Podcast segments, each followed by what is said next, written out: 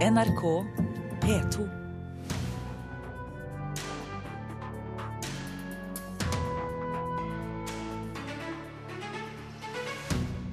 Få gir penger til kultur, og regjeringens forsøk på å få flere til å gi har ikke lykkes ennå.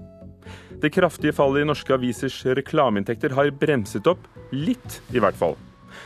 Et storverk, sier kritiker Marta Norheim om Johan Harstads nye 1000 sider lange roman, og likevel mangler det noe for henne.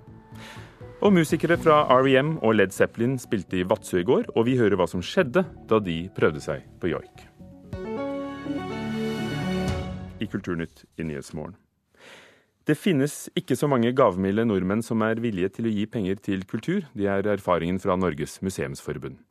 I Dagsrevyen i går fortalte NRK at kulturministerens forsøk på å få flere private til å gi penger til kulturformål, i liten grad har lykkes. Det til tross for at antallet nordmenn med store formuer, eller formuer høyere eh, enn et visst antall millioner, er høyere enn noensinne.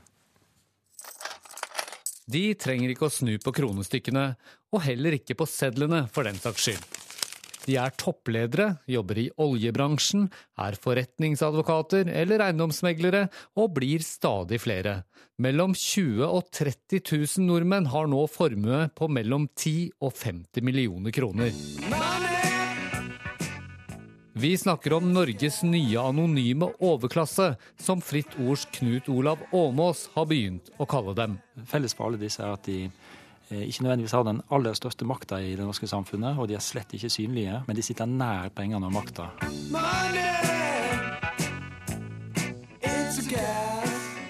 Men hva i all verden er det alle disse rike nordmennene bruker pengene sine på? Det virker som om mange av de eh, mer nyrike, nest rikeste i finansnæringene er mest opptatt av eh, sine egne bankbøker, i den grad de er interessert i bøker og eh, i å telle sine egne penger. Regjeringen anerkjenner det og vil oppmuntre til at privatpersoner, stiftelser og næringsliv i enda større grad ser verdien av å engasjere seg i kulturlivet. Sa kulturminister Toril Vidvei da hun la fram kulturbudsjettet i forrige måned. Flere private penger er så viktig, synes hun, at hun bruker mer enn 30 millioner kroner i år på å lokke private, både enkeltpersoner og selskaper, til å gi gaver til museer mot at staten gir 25% på toppen. Det kalles gaveforsterkningsordningen og er et av Vidveis store politiske prosjekter. Men som Dagsrevyen fortalte i går kveld, viser en spørreundersøkelse NRK har utført, at virkningen har vært minimal. Denne undersøkelsen tyder på at gaveforsterkningsordningen ikke har fungert etter hensikten, i hvert fall ikke i den første fasen den har vært eh, i virksomhet. Sier professor Sigrid Røyseng ved Handelshøyskolen BI i Oslo. Disse giverne ville nok uansett gitt de pengene som de har gitt i denne perioden, til kulturformål. Kulturministeren har sett resultatene fra NRKs spørreundersøkelse, men mener det likevel er for tidlig å si at hun ikke har lykkes. Dette er et langsiktig arbeid. Det er å skape en kulturholdning, en endring. Liv Ramskjær i Norges museumsforbund er derimot bekymret for om det kanskje ikke fins nok gavmilde rike mennesker i Norge. Nei, det finnes kanskje ikke det. Altså, det er vel grenser for hvor mange prosjekter Jens Ulltveit Moe, Christian Ringnes eller eh, Kristen Sveås kan gi midler til. Vi trenger nok flere glade rikinger som har lyst til å støtte museene for å få opp den prosenten. Hva skal museene gjøre for å overtale de nyrike til å bli mer som Sveås, Ulltveit Moe og Ringnes? Jeg vet ikke om det er lett å overtale dem, men kanskje de kan jobbe med å utvikle kontakten med de med penger. Jeg tror det er rett og slett langsiktig, hardt arbeid. Og reporter var Petter Sommer. Agnes Moxnes, kulturkommentator i NRK. Hvorfor gir ikke flere som har råd, som Fritt antyder, penger til kultur? Fare for å være en smule unyansert om de mange nyrike i Norge, så foretrekker de vel da rådyre biler heller enn å hjelpe et et nedslitt eh, lokalt museum med bordkledning eller noe sånt noe. Men det som normalt pleier å hjelpe på givergleden hos de rike, det er jo hvis disse gavene betyr at man samtidig får redusert skatten sin. Så Vidveis ordning med at man øh, derimot får en større gave fordi staten matcher gaven, den, den har tydeligvis ikke hjulpet? Den har ikke hjulpet, det har ikke fått flere til å gi. Og så har hun jo da lang, i lange tider ymtet frempå at hun vil innføre en skatteinsentivordning. Hun har prøvd å få det til, men så langt så har hun altså ikke lykkes med det. Men kan det være også at den, den ordningen vi hørte om, eh, med gaveforsterkning, er for ukjent? Den er faktisk ikke det, fordi den undersøkelsen viser at et stort flertall vet De kjenner ordningen, og det til tross for at dette er et nokså kjedelig og byråkratisk ord, altså gaveforsterkningsordningen. Og, og, grunnen til at så mange kjenner det, er jo fordi Toril Vidvei har snakket mye og veldig entusiastisk om denne ordningen. Og siden hun har brukt mye tid på det, er det et politisk nederlag at det ikke virker sterkere? Ja, jeg vil tro at det ikke er en helt god dag på jobben for Toril Vidvei. For dette har hun jobbet intenst med siden hun inntok eh, Kulturdepartementet sammen med daværende statssekretær Knut eh, Olav eh, Åmås for to år siden. Og noe av det første det gjelder hun da fikk vedtatt, det var denne gaveforsterkningsordningen. Og her følger hun skriften i regjeringsplattformen. For der står det at man skal jobbe for å redusere kulturlivets avhengighet av offentlig finansiering. Men så langt så har hun altså ikke sett de store endringene eh, i forhold til eh, hva tidligere politisk ledelse av Kulturdepartementet har fått til. Kan det være for tidlig å konkludere? Ja, det er jo på sett og vis det. Men, men nå er Toril Vidve halvveis i løpet som eh, kulturminister, så dette er en rundetidspassering som sier at hun må gi enda, hive på ekstra mye kål for å nå eh, målet sitt. Men det denne undersøkelsen også viser, det er jo at kulturlivet heller ikke er på merket. De har fått en ordning i fanget som de ikke bruker godt nok. Takk. Agnes Moxnes, kulturkommentator.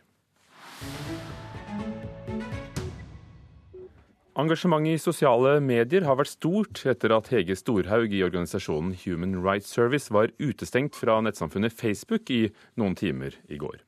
Det har skjedd etter at flere hadde rapportert inn profilen hennes for å ha upassende innhold, mens Facebook selv sier det skjedde en feil. I femtida i går ettermiddag ble den offentlige Facebook-profilen til Hege Storhaug stengt. Hun er leder for organisasjonen Human Rights Service, og har bl.a. engasjert seg i debatter om islam og innvandringspolitikk. Styremedlem i Norges unge muslimer, Hosam Belkilani, la ut en post på sin private profil om at de hadde fått fjerna Storhaug fra Facebook ved å rapportere henne inn for upassende innhold. Meldinga ble seinere fjerna. Men det har fått mange til å spekulere i om organisasjonen har hatt en målretta aksjon der de har sendt flere meldinger inn for å få profilen hennes stengt. Dette blir avvist av lederen Zakaria Saliti overfor VG i går kveld. I en e-post til NRK avviser Facebook at de stenger sider fordi det blir rapportert mange ganger. De skriver også at noen ganger gjør vi feil, og da prøver vi å rette opp så raskt som mulig. På sosiale medier er det flere som støtter de som har meldt Storhaug inn til Facebook. Men Storhaug får også mye støtte, bl.a. fra bystyremedlem for Miljøpartiet De Grønne i Oslo, Shaub Sultan. Han skriver at han er uenig med Storhaug i det meste, men at forsøk på knebling av meningsmotstandere er dumt og galt. Sa reporter Espen Alnes, og vi prøvde også i morgentimen i dag å få en eh, ny kommentar fra Facebook, men det lyktes vi ikke i. Anine Kierulf, jurist og forsker ved Senter for menneskerettigheter ved Universitetet i Oslo. Hva forteller denne episoden deg? Den eh, forteller jo at eh, Facebook redigerer innhold eh, som vi legger ut, på en måte som er litt vanskelig for oss å få tak i. Det er noen retningslinjer de har for innhold på sine nettsteder, det må man følge. Men hvordan ting blir redigert og hva som skal til for å få sin side stengt, det er det ikke så lett å ha innsyn i. Og vi har jo også da prøvd å få dette innsynet. VG prøvde det. Eh, er det et problem at de ikke sier akkurat hvordan dette fungerer? Ja, Det er jo et prinsipielt problem at man ikke vet eh, hvordan dette skjer. fordi i de redigerte mediene for øvrig så har man jo en viss transparens gjennom redaktørplakat, eh, Vær varsom-plakat, eh, øvrige retningslinjer for avveining av, nei, av, av ytringsfrihet og, og, andre rettigheter eller verdier.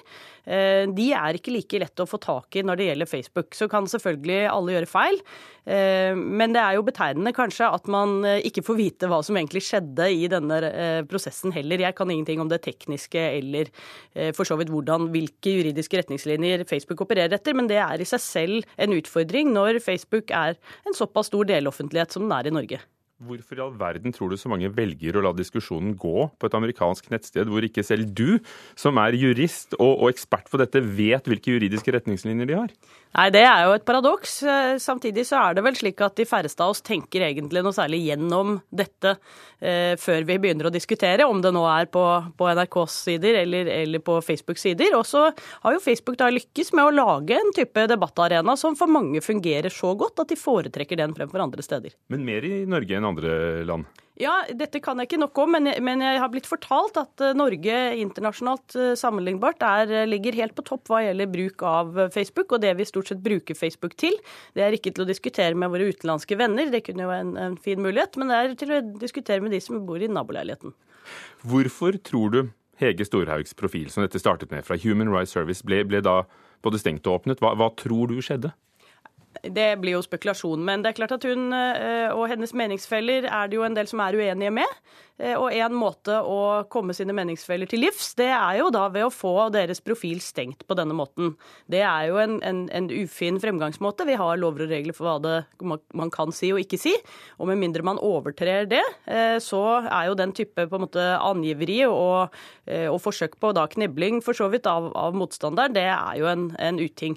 Eh, det gir jo også bare vann på møllen til de som mener at eh, denne type synspunkter får for liten plass i den offentlige debatt. Eh, det som er oppløftende, jeg må bare få avslutte med det i forlengelsen av det, det er jo at alle mediene, alle nettmediene, og nå også NRK, diskuterer dette som et problem, at et innvandringskritisk side blir, blir stengt. Og det kan jo være noe å huske på for de som mener at mediene generelt er for venstrevridde. Takk skal du ha. Anine Kierulf fra Senter for menneskerettigheter, Universitetet i Oslo.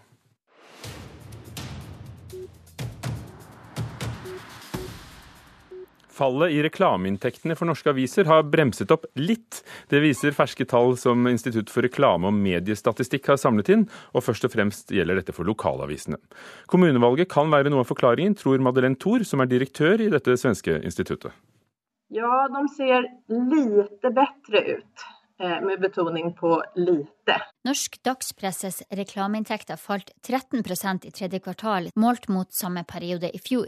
Inntektstapet var hele 16% første halvår, dermed altså en brems i fallet på 3 prosentpoeng.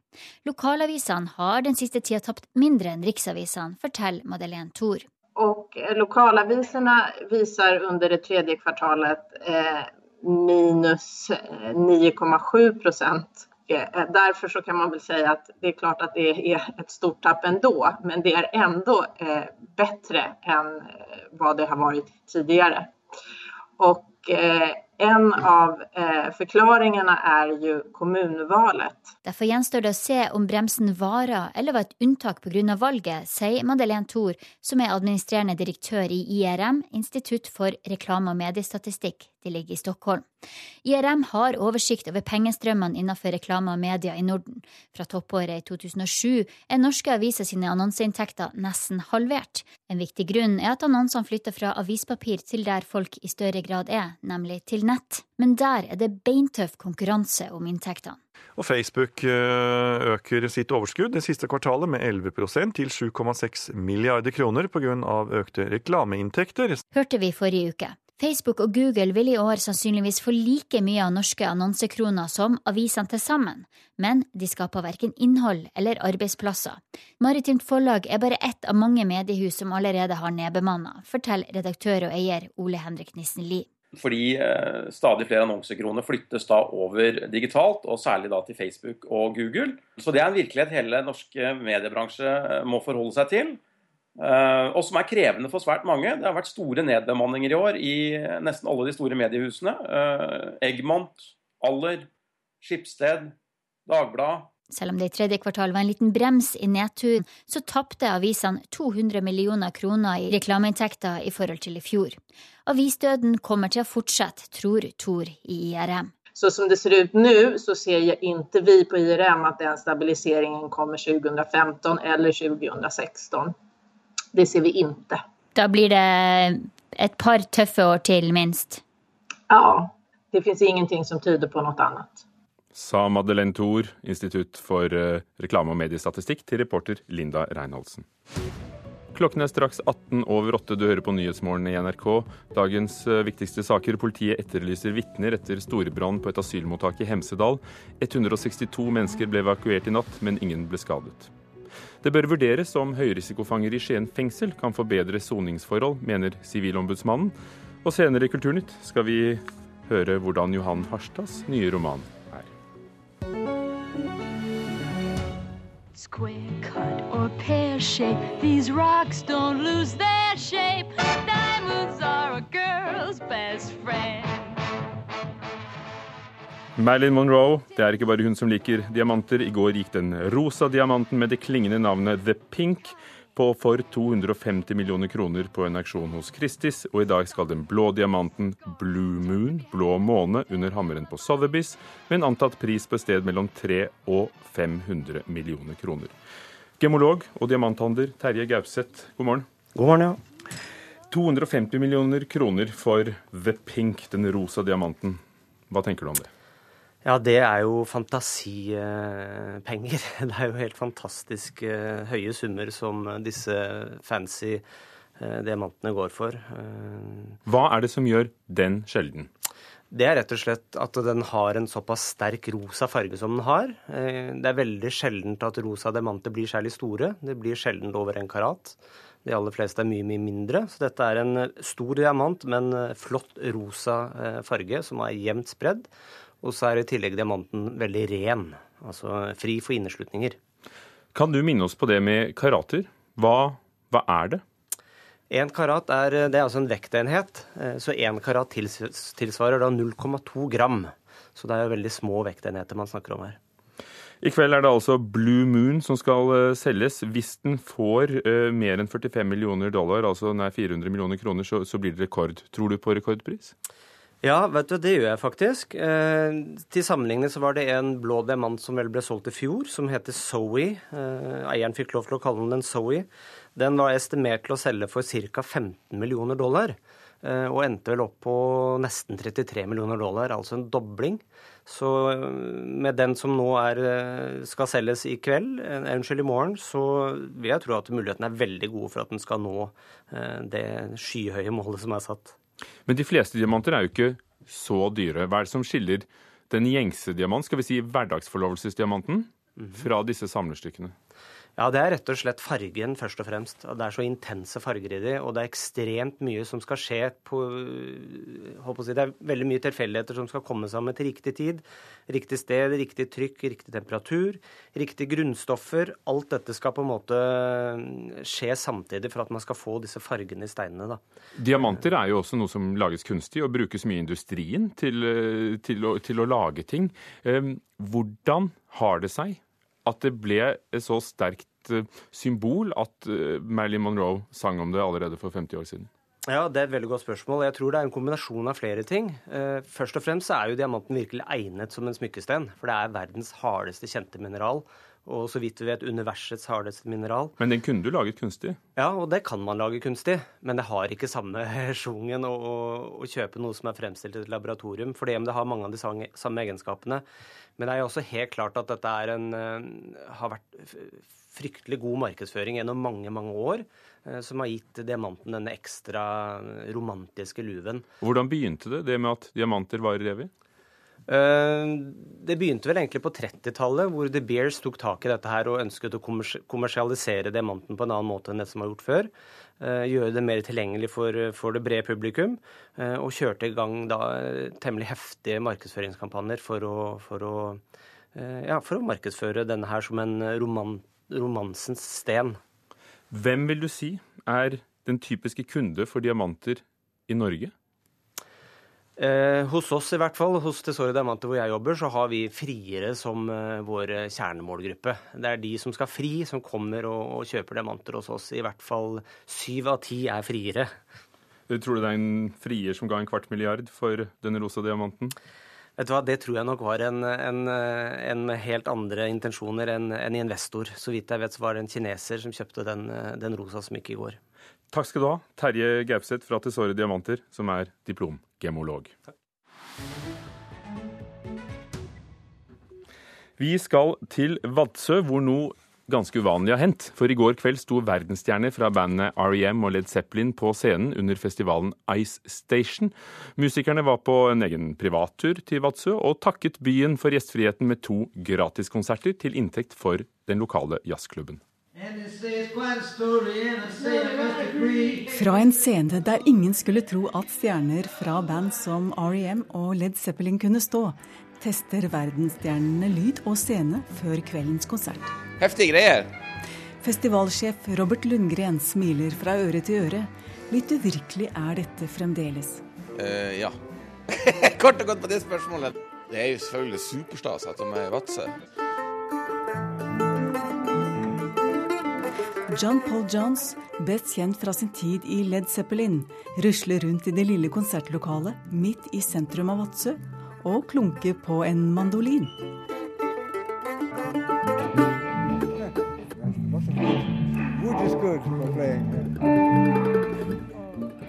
Fint rom, nikker han. Festivalen Ice Station kom nærmest rekende på ei fjøl. Billedkunstner Michelle Nowak besøker et gjestegalleri i Vadsø i hele november. Og hun spurte vertskapet i Finnmark fylkeskommune om hun kunne invitere noen musikkvenner nordover for å spille gratis. Noen av dem er altså bautaer i rockehistorien.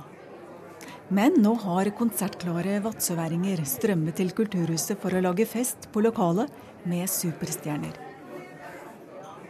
Jeg gleder meg lenge til det. Er det litt sånn uvirkelig dette her? Det er ikke bare litt uvirkelig, det er veldig uvirkelig at denne gjengen her kommer hit opp til Lille Vadsø og, og gjør det her gratis. Som en, som en gave til byen. Det syns jeg er helt fantastisk. Helt fantastisk.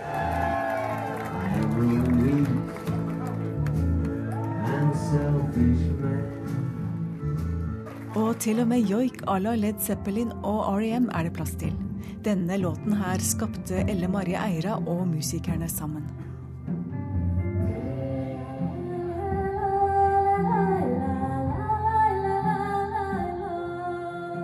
Musikk er jo et felles språk, så vi på en måte forstår hverandre.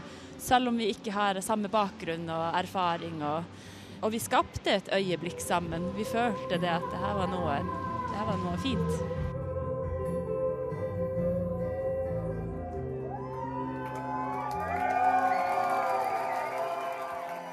Og det var reporter Sissel Wiik som var på konsert i Vadsø i går. Johan Harstad slo igjennom som forfatter med boken 'Buss Aldrin hvor ble det av deg?' Siden har han skrevet mange teaterstykker bl.a., og nå ny roman 'Max, Misha og Tettoffensiven'. Marta Norheim, vår litteraturkritiker. Er det en god bok? ja, da må jeg svare med det kjedeligste av alle svar, tror jeg. Eh, Ja og nei. Altså, det er, det er en god bok, og ikke minst en imponerende bok, som eh, på samme tid har noen svake sider ved seg. Og det skulle jo kanskje nesten bare mangle når det er hele 1100 sider. Bokstavelig talt, talt. et storverk. Ja. Men er det Ja, la oss begynne der. Hvem er i sentrum for den lange historien? Ja. Altså, det er en eh, gutt som heter Max, som eh, blir uh, tvangsflytta, kan vi si, av sine foreldre, eh, sammen med sine foreldre, til USA når han er i sånn ca. 12-13-årsalderen. Resten av historien utspinner seg der. Eh, han får en venn som er kunstner, han får en kjæreste som er kunstner. så det det er både en kunstnerroman, det er en roman om å være heimløs, kanskje geografisk, men også på kloden. Det er en roman om Vietnamkrigen, det er en roman om vår tid, det er en roman om kjærleiken. Det er på en måte en roman om eh, alt. Hvilke forventninger hadde du når du plukker opp en bok av Johan Harstad? Um, altså, jeg er nok av de som tenker at han skrev sine beste bøker før Buss Aldrin, som, som du eh, eh, nevnte. Jeg har ikke liksom helt skjønt det. Det er et par store romanene hans. Eh, 'Hesselby' er den andre, og jeg har ikke sett teaterstykkene hans. Men eh, når folk skri Men jeg syns han, eh, han har skrevet veldig gode ting. Altså, De to første bøkene hans er helt uvanlig gode. Så, så jeg hadde en forventning. Og du skjønner jo at en forfatter har en ambisjon når den kommer 1100 sider. Da er det liksom ikke jeg får skrive en roman til, i den grad noen eh, forfattere tenker sånn. Men, men du skjønner at det er noe som er virkelig på gang når den blir så stor, da. Hva gjør denne lengden med, med fortellingen? Ja, den, den, gjør jo at det tar lengre tid å lese den, for å ta det helt banale først. Eh, eh, det gjør at du, du har en veldig ro til å gå inn i eh, mange ulike spørsmål. Han er også av de som tillater seg nokså store ekskursjoner inn i, i, det som vel Ari Behn kalte for faktahelvete, og, og inn i andre kunstverk. Han, han er innom veldig mange plasser, altså metaforisk og konkret. da. Hva savner du? Ehm, jeg savner flere ting. Altså, jeg syns at eh, til å være så stor, så kommer du veldig lite inn på personene og på dette å skape kunst. Du kommer inn på en del kunstverk, altså sånn type Beckett, Rotko, Coppolas 'Apokalypse' nå. Der er han veldig god til å på en måte lese kunstverk som fins. Men når han snakker om de kunstneriske prosessene til disse kunstnervennene, så syns jeg jeg blir stående litt på utsida og mer tar det til etterretning. Eh, og det er ikke et bra tegn når du, når du leser en eh, roman annen. Og så tenker jeg jo litt altså Vietnamkrigen er jo en ufattelig eh, grundig skildra film. Ikke min, nei, krig. krig. unnskyld. Ikke minst i film, men også i litteratur eh, og sanger. Så, så jeg liksom tenker hvorfor Hvorfor Vietnamkrigen? Altså, Jeg stusser litt på valget av for så vidt både kontinent og krig, da. Så hva sitter du igjen med? Etter leseropplevelsen? Ehm, jeg sitter nok først og fremst igjen med en skildring av eh, tre unge mennesker, og ikke minst en onkel, onkel Owen, som jeg ikke har nevnt, men som er den mest spennende karakteren. Eh, og forholdet deres seg imellom i noen eh, tiår av nær vår tid. Kan jeg prøve igjen? En god bok? Marta Norheim hadde lest Johan Harstads Max, Misha og Tett-offensiven. Og du kan lese hele anmeldelsen selvfølgelig på nrk.no kultur på nettsidene våre. Det var Kulturnytt her i Nyhetsmorgen. Produsent var Vidar Sem. Programleder Ugo Fermariello. Hør flere podkaster på nrk.no podkast.